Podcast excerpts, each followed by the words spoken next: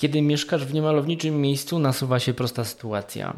Pakuj się w samolot, w pociąg, w samochód i zacznij podróżować do miejsc epickich, pięknych, ale to nie jest takie proste. Być może niektórzy z nas, a na pewno niektórzy z Was po prostu fotografują dla czystej przyjemności e, i mogą mieć problem z uchwyceniem malowniczych miejsc. Uważają, że mieszkają w niemalowniczym miejscu.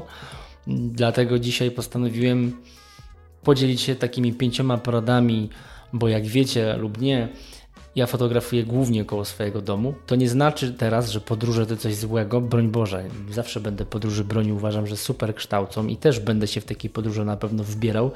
Natomiast jeżeli bym bazował dzisiaj tylko na podróżach, to tak naprawdę nie fotografowałbym krajobrazu wcale, a tego wszyscy nie chcemy. W tym odcinku 5 porad odnośnie właśnie tego, jak sobie radzić w niemalowniczych miejscach. Ja nazywam się Szymon Kasolik, to jest podcast fotograficzny rzecz biorąc, odcinek numer 130, ale pierwszy odcinek z wideo.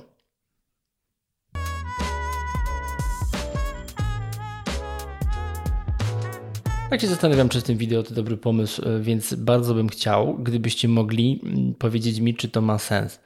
Bo jeżeli tak, to powiedzmy, że mnie to zmotywuje i jest szansa, że będę nagrywał z tym wideo więcej, a jeżeli powiecie, że to dla Was nie ma żadnego znaczenia, bo i tak większość z Was słucha w aucie, to nie będę tego wideo robił. No, ja jestem na przykład typem, który Chociaż nie dobra, przełapywałem się, że często na YouTubie włączałem, żeby sobie zobaczyć, jak tam ktoś gada. Więc być może jest w tym jakaś wartość. Dajcie mi koniecznie znać, bo nie będę się produkował, jeżeli nikomu to nie jest potrzebne. E, a wiadomo, że z wideo to zawsze więcej trochę pracy. Chociaż sobie zainwestowałem w swój na przykład, e, jak to się nazywa? Setup oświetleniowy. Tak, o widzicie? Tak jest bez. Więc to tylko dla wersja dla tych, co oglądają z obrazem, więc e, kto jest taki ciekawski, to mógł teraz zobaczyć ten fragment. Natomiast nie chcę przedłużać, przechodzimy do odcinka, lecę z pięcioma poradami odnośnie tego, jak sobie radzić w miejscach, kiedy mm, nie mieszkasz. A, jak sobie radzić w miejscach, które nie są zbyt piękne. No teraz nie dość, że będziecie widzieć, jak robię pomyłki, słyszeć, to jeszcze widzieć, jakie głupie miny szczelam przy tym, jak robię pomyłki, ale wszyscy jesteśmy ludźmi, ja podobno też. Porada numer jeden to polowanie na pogodę i to na różną pogodę, ponieważ Czasami, na przykład we mgle, możecie zobaczyć drzewo, obok którego na co dzień przeszlibyście totalnie obojętnie, natomiast w mgle zmienia się absolutnie wszystko, ponieważ na przykład zostaje wycięte tło wokół tego drzewa, za tym drzewem, gdzie do tej pory było stodoły albo po prostu brzydkie domy. Dla tych znowu, którzy oglądają wersję wideo, macie tutaj przykłady takiego właśnie ujęcia gdzie totalnie to te, te dwa drzewa, które teraz widzicie w, na co dzień są beznadziejne. Ja je widziałem tylko raz w takiej pięknej formie, jak mi się udało je uchwycić. Mm, na co dzień zapewniam Was, że żaden fotograf krajobrazowy y, nie zwróciłby na te drzewa w ogóle uwagi. Natomiast ten jeden poranek mroźny listopadowy, kiedy mgła i wschód słońca zagrał tak świetnie, wszystko się odmieniło. Mm, dla tych, którzy nie mają ochoty na zobaczenie tego na YouTubie, to i tak na stronie fotograficznie rzecz biorąc.pl pod linkiem do tego odcinka też te zdjęcia wrzucę, więc jeżeli macie ochotę, to tam też je zobaczycie. Wracając do tej pogody, nie tylko mgła, ponieważ niektóre miejsca będą wyglądać spektakularnie na przykład tylko w zimie. E, niektóre będą wyglądać spektakularnie w deszczowy dzień, niektóre będą wyglądać spektakularnie typowo we wschód słońca. Wschód słońca to jest raczej taki game changer. Jeżeli mamy udany wschód słońca, to bardzo często byle jaka lokalizacja potrafi wyglądać spektakularnie.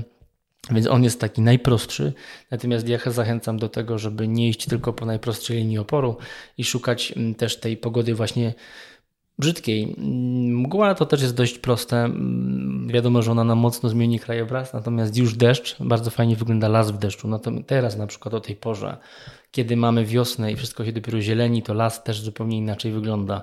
Mm, inaczej wygląda w zimie, to już powiedziałem. Jaka mam jeszcze brzydką pogodę? Burza. Ja mocno czekam na deszczowe chmury y, w tym roku. Pewnie maj będzie deszczowy mocno, mm, taki deszczowo-słoneczny, burzowy, bo te burzowe chmury to jest coś, co mocno potrafi zmienić, mocno. I jeszcze tak mi się marzy, że jakbym upolował kwitnące drzewo, to białe albo czerwone, nie znam nazw tych drzew, sorry, kontra takie niebo granatowe, mocno dramatyczne, to byłoby ekstra. Wydaje mi się, że już nie zdążę, bo te drzewa przekwitną w ciągu dwóch tygodni od dzisiaj. a dzisiaj mamy 17 kwietnia. Swoją drogą za dwa lata, e, za dwa lata, swoją drogą za dwa dni e, kończę 34. Jakby się ktoś zastanawiał i kogoś to obchodziło. Życzenia można mi składać na Instagramie, przypominam.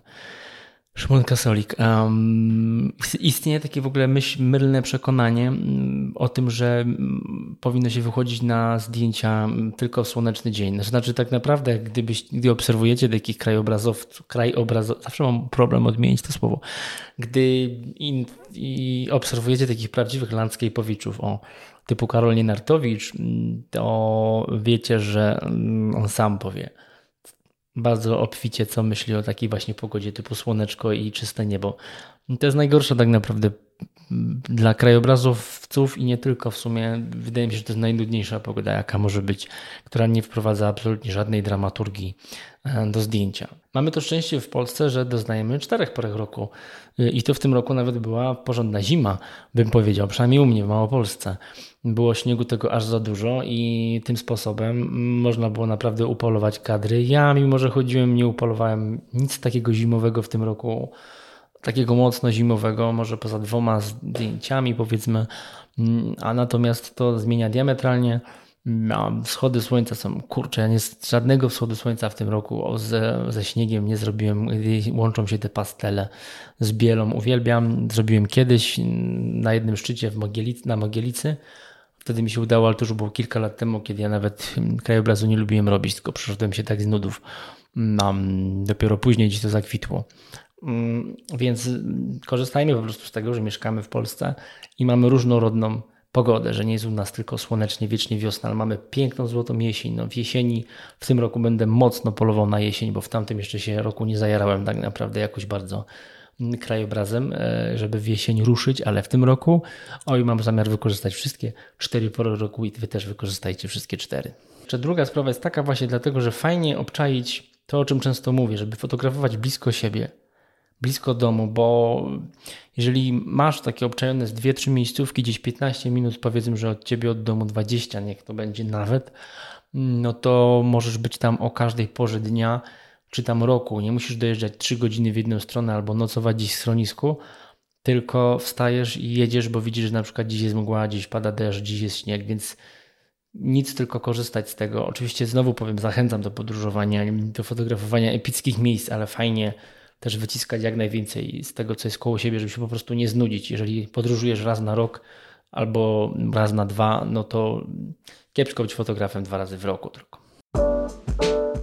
Rada numer dwa to znajdź motyw. I kiedy czasami wydaje nam się, że w danej lokalizacji nie ma nic interesującego i my nawet do końca nie wiemy na czym się skupić, no to nic nam nie wydaje się interesujące i czasem w jakiejś lokalizacji może nam się wydawać, że mm, to nie jest malowniczo, bo my oczekiwaliśmy jakiejś spektakularności, epickości, na przykład w zwykłym strumyku, ale przy okazji patrzymy na las dookoła, jak wygląda i tak dalej, i tak dalej.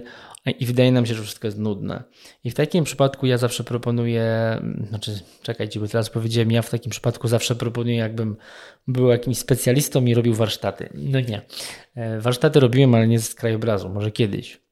Ale to jeszcze tak z 5 lat potrzebuję. Znajdź, proponuję po prostu znalezienie motywu. Wyjątkowo lubię te zdjęcia rzek, wód płynących na bardzo długim czasie naświetlania, tak żeby ta woda stała się wręcz taką mgłą. Mm, oczywiście to nie jest tak, że fotografuję tylko wodę, tylko w ruchu i nie zrobię więcej krajobrazów. Natomiast to mi pomaga czasem w takiej bardzo prostej lokalizacji, gdzieś blisko mnie, na zwykłym strumyku potoku, no może nie zrobić jakieś spektakularne zdjęcia, natomiast takie, które gdzieś nadaje się na tą ścianę, którą tu widzicie za mną, żeby sobie po prostu to zdjęcie powiesić i powiedzieć, o ładne, spoko. I też ćwiczę zawsze tą jakąś kompozycję, jakiś kadr.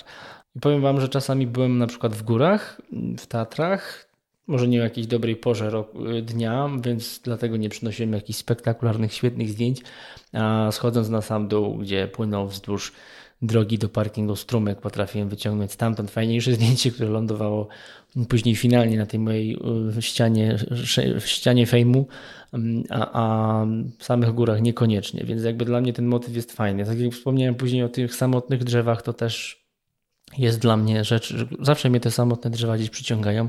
W pewnym momencie już trochę mnie znudziły na zasadzie, że to jest zbyt proste, żeby po prostu znaleźć miejsce, gdzie jest takie drzewo i sfotografować je w zwyczajny sposób, to mnie przestało satysfakcjonować. Wiadomo, jeżeli miałbym super warunki, no to wiadomo, że takie zdjęcie zrobię. Natomiast jest to fajny motyw, jakiś przewodni, żeby takie samotne pomniki natury, jak to ktoś kiedyś nazwał, żeby to nie było, że to ja taki mądry, e, fotografować. Wygląda to na spoko pomysł. I takich motywów myślę, że można mieć kilka. Tak naprawdę nie tylko odnosić można to do fotografii krajobrazu. Jeżeli jesteś fotografem portretu, powiedzmy, że możesz fotografować tylko piegi, jak Agata Serge w swoim swojej, w swoim cyklu. Tudzież, mm, gdy jesteś fotografem zwierząt, to możesz fotografować tylko dziki. Nie, no bez sensu, to akurat nie wiem. Natomiast tutaj chyba nawet nie potrzeba motywu, jeżeli jesteś fotografem dzikiej przyrody. Swoją drogą ostatnio widziałem przy drodze dziki, pierwszy raz w życiu widziałem je na żywo i nie wiedziałem, że to są takie bydlaki. I przeraziło mnie to, że zupełnie się nie bali ludzi, którzy sobie tam przy głównej drodze stali i fotografowali je. Więc jak spotkałem kiedyś dzika na tych swoich wyprawach, po polach, to będę miał przerąbane.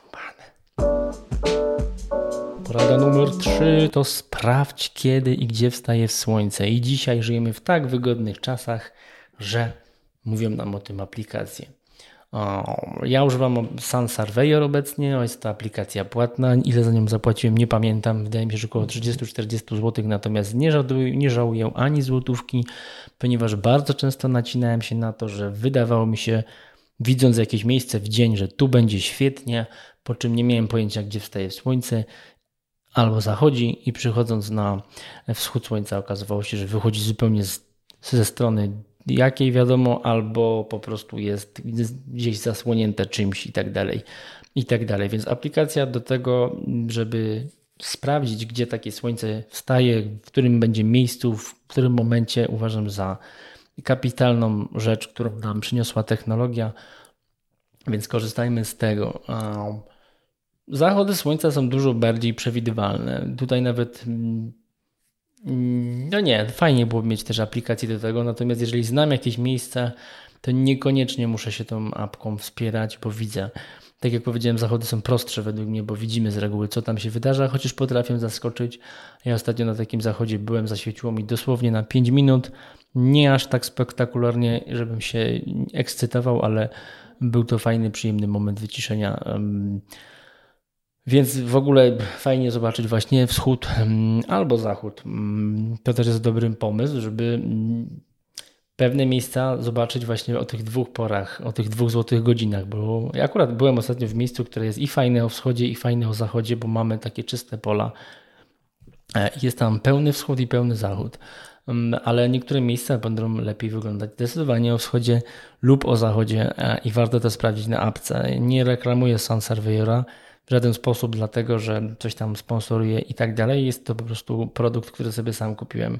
Natomiast takich aplikacji jest dużo um, podobnych i o takich aplikacjach mówimy w odcinku z Pawłem Uchorczakiem. To jest odcinek o 10 poradach od fotografa krajobrazowego, którego nie ma na YouTubie, więc musicie tutaj już zerknąć do Spotify e, i lub kiedyś za 5 lat, jeżeli uzupełnię listę na YouTubie filmów, to na pewno się tutaj znajdzie. Nie obiecuj, nie obiecuj. No właśnie. Porada numer 4 to, a może detal. Ponieważ czasami wydaje nam się, że musimy robić takie epickie kadry, ara wspomniany już Karol gdzie jest mnóstwo elementów, mnóstwo szczegółów. Tymczasem może czasem warto właśnie sfotografować jakiś detal. E, bo czasami w lesie na przykład, który las składa się z mnóstwa niesamowitych struktur, kory drzew, mech, liście, jakiś zamarznięty, zamarznięta kałuża, jeżeli jest zima i tak dalej, i tak dalej. I um, no, pamiętajcie, że nie zawsze trzeba przynosić do domu epicką fotę można przynieść czasem po prostu coś przyjemnego dla oka, co jeżeli Was coś w tym lesie cieszy, w lesie, nie tylko w lesie, wszędzie, gdzie będziecie, w każdej lokalizacji, jeżeli coś Was cieszy, to dlaczego nie macie tego sfotografować?